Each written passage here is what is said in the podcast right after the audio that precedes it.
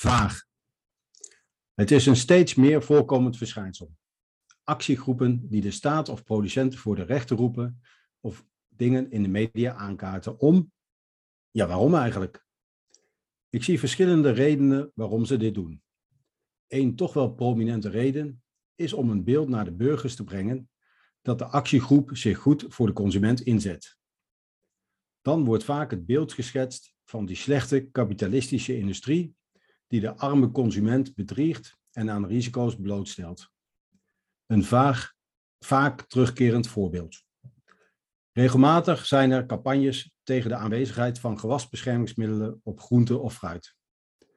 Gifkundig, totaal irrelevant, maar handig om je als beschermer te profileren. Consumenten zijn er eenmaal bang voor giftige stoffen.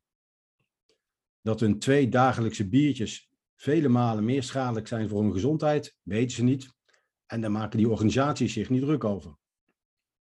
Laatst ook nog zo'n rechtszaak over plantaardige smeersels, waar minder dan 2% dierlijk vet in zit. Dat mag volgens de aanklager niet, want is niet plantaardig. Alles netjes op het etiket en voldoet aan de wetgeving. Waarom vecht je het dan nog aan? Er zijn natuurlijk wel excessen waartegen opgetreden moet worden. Aardbeienyoghurt met op de verpakking vijf keer meer aardbeien dan er voor die ene liter zijn gebruikt. Dat vind ik wel misleiding. Van partijen die dit soort dingen aankaarten, verwacht ik dat die het echt doen om de consument te beschermen tegen misleiding. Maar de grens tussen verleiding en misleiding is vaag. Net zo vaag als de motivatie van partijen om dingen aan te kaarten. We leven dus in een vage claimwereld, waar de grenzen niet voor iedereen helemaal helder zijn en de regelgeving rekening houdt met marges van verschil, omdat nooit alles 100% tot op de komma nauwkeurig helder is en aangetoond kan worden.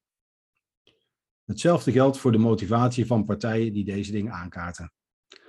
Gaat het om daadwerkelijke bescherming van de veiligheid van de consumenten, het tegengaan van misleiding, of over meer publiciteit, kijkcijfers en ledenwerving? Ook dit zal nooit helemaal duidelijk worden. Ik vrees dat de echte motivaties vaag blijven en we onze eigen conclusies moeten trekken.